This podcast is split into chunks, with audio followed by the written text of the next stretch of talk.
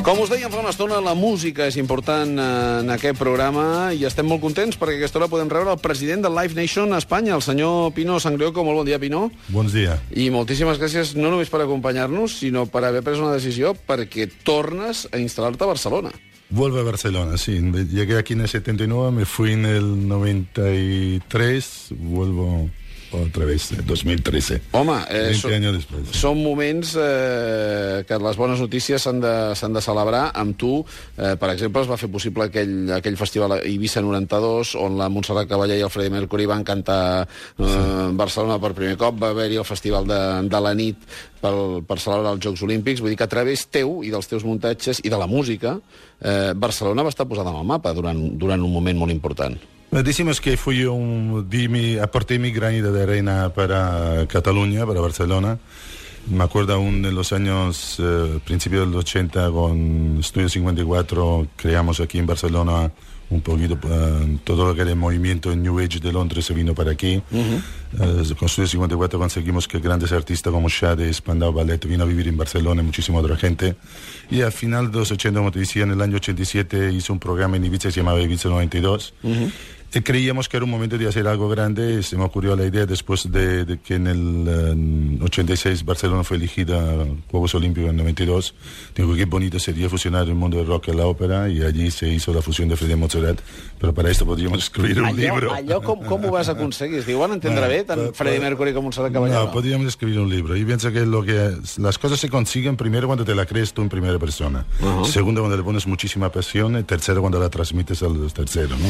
Y cuando los artistas te ven tan convencidos y creen que lo que estás diciendo es tan puro y tan verdadero, se suman. en este caso, Freddie Mercury fue el motor y el promotor de que aquello ocurrió. Jo que et coneixo una mica, eh, i dono fe de- de- d'això de, la passió, segurament deu ser la manera de que la indústria musical pugui, pugui avançar. Eh, tu no només inventes, sinó que reinventes el que poden ser eh, festivals, el que poden ser actuacions en, en directe. Eh, el, el Rocktronics, per exemple, va ser un, un, una bogeria ja l'any passat. Juntar Real Stars amb New Stars. Esto, como decía, la fusión siempre ha sido un poquito lo que me ha movido en mi vida. Es decir, siempre he estado allí buscando fusión. Sí, pienso momentos de encuentro. También hay que ser un poquito, hay que ser partícipe en el- los cambios generacionales. La juventud marca muchas veces, marca también lo que son las nuevas tendencias. Pero no tenemos que olvidarnos que una tendencia nueva existe un legado del pasado y hay que saber buscar estos dos encuentros. Que si no tenemos, no podemos mirar adelante si, si no miramos de dónde venimos. Aquest és el nou projecte. de dónde venimos. Aquest Keep the Legacy Alive, eh, mantinguem el, el llegat, és ara mateix on estàs. No sé si ho podem explicar tot. No, pero ahora mismo por esto, yo me gustaría un poquito hablar de seguir allí donde estamos, que todas... T'estiraré de la llengua, eh? És a dir, vull, vull que m'ho acabis d'explicar. Estamos, cuando decía, y pienso que justamente esto, que si la nueva generación está con la tendencia, el dance music no se puede dar la espalda, en este momento la juventud vive la sesión de otra manera, pero al mismo tiempo, como decíamos, no podemos olvidarnos que muchos de estos DJs lo que han hecho es remezclar música de grandes artistas. Y qué buena ocasión con el electrónica de fusionar a los dos mundos, que es decir, hacer que el mundo de la electrónica se fusione con el mundo del rock, ¿verdad? Decimos, los new stars con los exemple, Y junto- Elton John. Tu- Año pasado Elton John con Pnau se consiguió después de 20 años ser número uno en Inglaterra. Lenny Kravitz con Luciano fue un acontecimiento histórico y creo irrepetible. Y después estar en el mismo escenario Sting, David Guetta, Tiesto, Luciano, Fatboy Slim, M83, desde luego que decir, creo que nació algo grande y creo que tiene mucho futuro. Uh, ara mateix, uh, amb aquest rock, Rocktronics, que, que, que evidentment donaves un públic nou a, a, a velles uh, a, a estrelles consolidades i al mateix temps uh, li donaves una nova capacitat de reinterpretar la música al, al, als DJs, el, el fenomen DJ, tu és un fenomen que també has viscut de prop, sobretot a Eivissa. Pues claro, eso decía. Ibiza, no nos olvidamos que cuando nosotros empezábamos, por eso decir, lo bonito era que cuando íbamos a una discoteca no sabíamos dónde estaba, eh, dónde estaba el DJ, íbamos a buscar dónde estaba la chica que queríamos ligar. Hoy en día vas a una discoteca, no buscas la chica, lo que buscas dónde está el boot del DJ, que se ha convertido y lo aplaude y le haces la reverencia. Que sí, ha cambiado muchísimo, desde luego, sí, Ibiza, claro, me, me- en primera persona he vivido este fenómeno y esta transformación que ha tenido la discoteca. Y desde luego, como te decía, que si la tendencia de la nueva, la juventud vive la sesión como su manera de, de, de evadirse, su manera de, de, de liberarse, uh -huh. y no estoy en contra, me parece una cosa muy, muy liberadora. No? Que de tota manera, jo crec que, que, que així com has vist sempre on estava el focus, on estava la llum, si estava amb, amb les rockstars o si estaven amb, amb aquestes noves rockstars que, que podien ser els DJs, ara crec que hi ha un projecte molt més globalitzador, molt més de buscar eh, la gent directament, al públic, i que a través de, de la música es puguin, es puguin estimular. Això bueno, es diu sí. Keep the Legacy Alive. Exactamente, Keep the Legacy Alive. Keep the Legacy Alive es un poquito, yo pienso que más que nada en la juventud de hoy en día se encuentra un poquito perdida, y esto no es la menor duda. Yo tengo un chaval de seis años que cada día que lo veo me se llena el corazón de alegría, me emociona solo a pensar... Que es molt del Barça. Es molt del Barça, esto, por esto también vuelvo aquí, para que también en Madrid no le pegan en el cole. No, no, que está bien. El, justamente por esto, cada día que lo veo me, me ilusiono con él, me ilusiono de dónde va a ir, que, cuál es su futuro, dónde está. Nosotros no nos olvidamos que a, a pesar de todo, hemos tenido un mundo y hemos vivido con muchas ilusiones. Hemos visto adelante, a mí no teníamos lo que era un romanticismo, pero un idealismo que creíamos que el mundo se podía cambiar, que el mundo era mejor, se podía luchar por ella, hacer muchos cambios. Hoy en día pienso que la juventud está un poquito perdida por decir que no sabe dónde mirar, porque naturalmente no existe un espejo donde mirarte. Como estamos viendo hoy en día, existe corrupción por todo lado, no existe un referente político que realmente los ilusiona, uh -huh. los apasiona, no existe un referente eh, tampoco de líder espiritual que, que realmente los, los, uh, los ilusiona. Que decir, la gente está un poquito perdida. Keep the Legacy Alive es un poquito buscar estas raíces de dónde venimos también este compromiso un poquito del día al día. Un compromiso de acordarnos de cuando sales de tu casa, uh -huh. ver al vecino de al lado y decirle buenos días, ¿cómo estás? Eh, no sí. pasar adelante con, eh, con tus auriculares ni saludarlo. Que decir, hombre, de mirar atrás y poder llamar de vez en cuando a tu mamá y decir, mamá, ¿qué tal? ¿Cómo te encuentro? Mandarle unas flores. O llamar a tu hermano y decir, oye, tot ben, que se per allí. Tu saps el, Que del, sí. del potencial de la música. És dir, tu saps que a través de la música això es, pot- es pot queríamos con la música hacer esto. Que I, sí, I has buscat coses, és a dir, encara, encara sé que no és un projecte que es pugui explicar del tot eh, i, i com, com esclatarà mundialment, perquè tu quan fas projectes sempre penses en grans, és a dir, quan portes a Elton John a Barcelona fas que, que aquell concert doni la volta al món o, o, o es transmeti en, en directe, quan portes els Stones al, a l'estadi olímpic a, a Barcelona abans de les Olimpiades també, també mires a, a aquest punt de, de projecció des d'un lloc concret del món i a través de la música per, per reconnectar la gent. Això és una cosa que t'ha importat molt i que vas estar a punt de fer una cosa molt gran amb Michael Jackson. Exactamente, que sí, lo de Michael Jackson fue otra gran tristeza. Con el Keep- Michael Jackson sí que era para mí probablemente uno de los de los más grandes, sobre todo creo que tenía la chance realmente de poder dar este mensaje a nivel mundial de Keep the Legacy Alive, que eran los niños. Y después, como tú sabes, se le acusaron de la peor de las infamias, es decir, de algo de la cual pues, un, artista que lo más quiso en su vida es realmente contribuir para hacer un mundo mejor para los niños y le acusaron de lo peor de lo peor injustamente como tú sabes hoy en día tanto el padre como el hijo de las personas que lo acusaron se, se suicidaron los dos porque era toda una mentira. Pero naturalmente todo el mundo se tira se tiró en la vorágine iba. Michael Jackson estamos haciendo el proyecto que era Il the World e incluso llegamos con Yadro a hacer una escultura preciosa bonita de la cual queríamos con un libro alrededor que era la declaración de los niños llevarla a cada jefe de estado del mundo para decirle mira mírate este libro, gu- guárdate este libro, ten esta escultura para que cada uno que esté en este en mando, cada uno que está al mando de su país, en lo que había, para que se, se acordaba cada día que tenía un compromiso de hacer un mundo mejor y de no olvidarse que la juventud tiene que tener futuro, hay que ver un compromiso de futuro por él hay que luchar. La música, sin lugar a duda, como tú decías, ha sido siempre el camino de comunicación más universal, lo que más llega.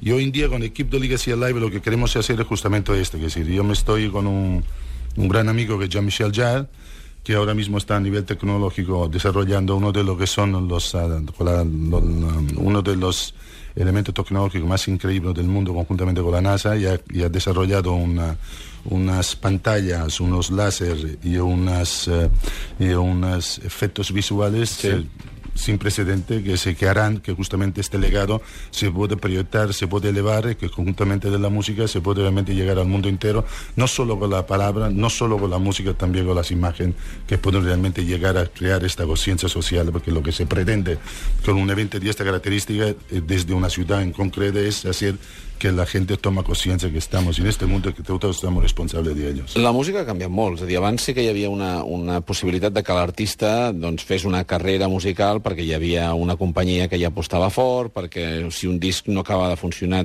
sempre hi havia la possibilitat de fer-ne un altre, si la, si la tria i l'aposta de, la, de la discogràfica era ferma, i per exemple discursos com el de Bob Dylan, com el del mateix Springsteen, que, que els primers discos no van ser rebuts amb, amb entusiasme comercial, eh, el de tot un seguit de, de gent podia explicar-se, i a través de la música hi havia una doctrina.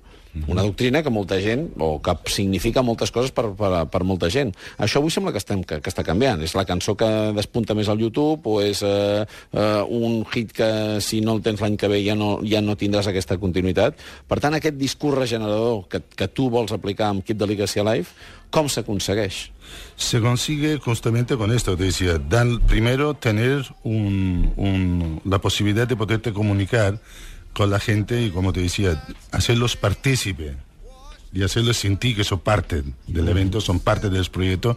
Y creo que todo lo que es la, hoy en día Internet, en, la, en, las redes sociales, te harán, hacen mucho más viable la posibilidad de unirnos. Una vez una canción, como te decía, los movimientos, los movimientos lo, se trasladaban por, me han dicho, sí. has escuchado eso, has escuchado lo otro. Hoy en día un mensaje puede ser inmediato. Hoy lo mandas y mañana puede llegar, en una hora ya puede llegar a todo el mundo. Por lo tanto, quiero decir, la música sigue siendo el camino universal para llegar a la gente, sobre todo si tú tienes algo que decir y algo creíble, lo que tú estás diciendo, estoy convencidísimo que todo el mundo sea, la adhesión va a ser masiva y al mismo tiempo pueden tomar conciencia que realmente vale la pena empezar a participar de forma mucho más comprometida lo que es, no solo en cuanto al movimiento musical, de la adhesión de la música, porque la música, es, como te decía, cada uno es universal, no tiene credo, ni color, ni religión, ni nada, uh -huh. pero sobre todo es sentir que vale la pena empezar a tener unes il·lusions i luchar per ella. No? Escolta'm, com, com aconsegueixes eh, tenir tan bon rotllo amb, amb artistes tan diferents? Però que veuen a tu, Pino, Pino, ja, van directamente. Yo pienso que es una cuestión de, como te decía, de pasión. Muchas veces lo que transmito con ellos es, si he podido hacer, como tú decías, y tú piensas que en los años 80, cuando a Barcelona vino el Rolling Stones, hicieron el show desde el Estadio Olímpico, fue por primera vez en la historia que los Rolling y eligen Barcelona y con un equipo totalmente español hacer su show desde el Estadio Olímpico para el mundo entero. El Urban Jungle se grabó desde aquí, vendió un poquito, vendió la ciudad de Barcelona y, Y se el hizo por Estadio Telecinco Olímpico. en ese momento, Se hizo. Telecinco por España y se retransmitió en todo el mundo. Lo mismo pasó con, eh, con, eh, con Elton John desde el Estadio Olímpico. Lo mismo pasó con eh, el, eh, el Franz Zappa desde el Palacio de Deporte. Pero sobre todo... Estadio Olímpico o Ministadi? Ministadi, perdona. El uh, Ministadi. Madonna fue en el Estadio Olímpico. Madonna desde el Estadio Olímpico para el mundo. El, uh, el Franz Zappa desde el Palacio de los Deportes. Pero sobre todo la NIT fue una de las cosas más, bon más bonitas más universales que se hizo en el año 89, que fue realmente espectacular. Allò és una medalla... De aquellas, sí, fue la primera medalla de oro a Barcelona que ganó, por cuanto aquí no se entendió mucho. ¿eh? Que Però sí, bueno, no que la vas guanyar tu, imagino que la tens tu. no, no la tengo yo. No, nunca la he visto ni me la han hecho ver. ¿No? Nunca, no, nunca la vi. Nunca la vi. O sea, la Anita está allí, pero sé que estaba en algún museo. Fue la primera que ganó Barcelona. Bueno, me ilusionó muchísimo saber que el programa final tuvo mucha repercusión. Pero la cosa que más entrañable me hice también fue el hecho de abrir con el, eh, el Palau Sant Jordi con Frank Sinatra para el mundo entero. Com aconsegueixes que Frank Sinatra vingui aquí i entengui que ha de, que ha de fer un concert que després pot ser retransmès per tot el món? Yo creo que se le hicieron muchas putadas, como se dice, a, a, Sí. a- a A Sinatra en España. Primero yo pienso que cuando Lava Gardner estaba aquí con un torero, me acuerdo una vez de las anécdotas que lo pegaron en Marbella, porque se pasó, porque estaba muy cabreado, naturalmente, por lo que pasó. Después, cuando vino la primera vez a actuar en España, fue en el, eh, en Bernabéu y hubo muy poca gente. Nunca tuve un gran recuerdo de España, un buen rollo de España. Me encontraba en Miami, estaba hablando con su manager, con la gente alrededor y, él siempre España le tenía gran recuerdo, pero no positivo. Dijo que era una buena ocasión para venir a España. Barcelona iba a ser sede olímpica y conseguimos que 15 días antes que abrieron los Juegos Olímpicos, Sinatra actuó en el, en el en el San Jordi, inauguró el San Jordi, retransmitido en todo el mundo. Fue realmente entrañable, increíble. La gente se, se puso a llorar, porque me acuerdo que se tomó el, un Jack Daniel en el escenario, todo el mundo le decía, pero eh, la- se encendió un cigarrillo, todos lo aplaudían. Dice, ¿cómo puede ser? Y en Estados Unidos me estarían, dando, me estarían tirando piedra, ¿no? Que decir, se- realmente Barcelona siempre ha sido en ese sentido una, una, una ciudad que fue un, un referente para mí y ha sido siempre un poquito una lanza. mi empiezo fue aquí. Y vuelvo después de tantos años, porque mi mujer, que si yo realmente me quiero afincar de Ibiza, es mi, Sí. mi otra ciudad adoptiva, vivo allí hace muchos años, me gusta Ibiza. No, i tantes Exacte, coses s'expliquen no. a través teu. Es, Ibiza ha sido siempre un poquito parte de mi vida. Y mi mujer dice, bueno, si tú quieres estar más en Ibiza, porque no nos vamos a Barcelona otra vez? Tengo a mi hijo, que como te decía, es, del Barça. Barça. porque soy del Barça, siempre me gusta el Barça. Y por fin puede venir aquí a Barcelona también, ir al cole, poder decir, soy del Barça, porque en Madrid se escondía, decía, no, soy del Inter. De vez en cuando se ponía la camiseta la escondida, ahora por fin se pone la camiseta, se pone todo y puede ir al campo. Y es, solo esto, la alegría que me da es enorme. Bueno. Y espero poder estar aquí y poder seguir col·laborant en tot el que hace falta. Jo crec que són molt bones notícies, és a dir, que les principals promotores musicals estiguin afincades a, a, casa nostra, vegin el món des d'aquest de, des punt, tant de bo com a, com a societat sapiguem entendre-ho, valorar-ho i, i contribuir. Les administracions ajuden normalment o no gaire? Bueno, siempre yo pienso que la administración en este momento tienen bastante problema suyo para preocuparnos de los promotores, ¿no? Pino, moltíssimes gràcies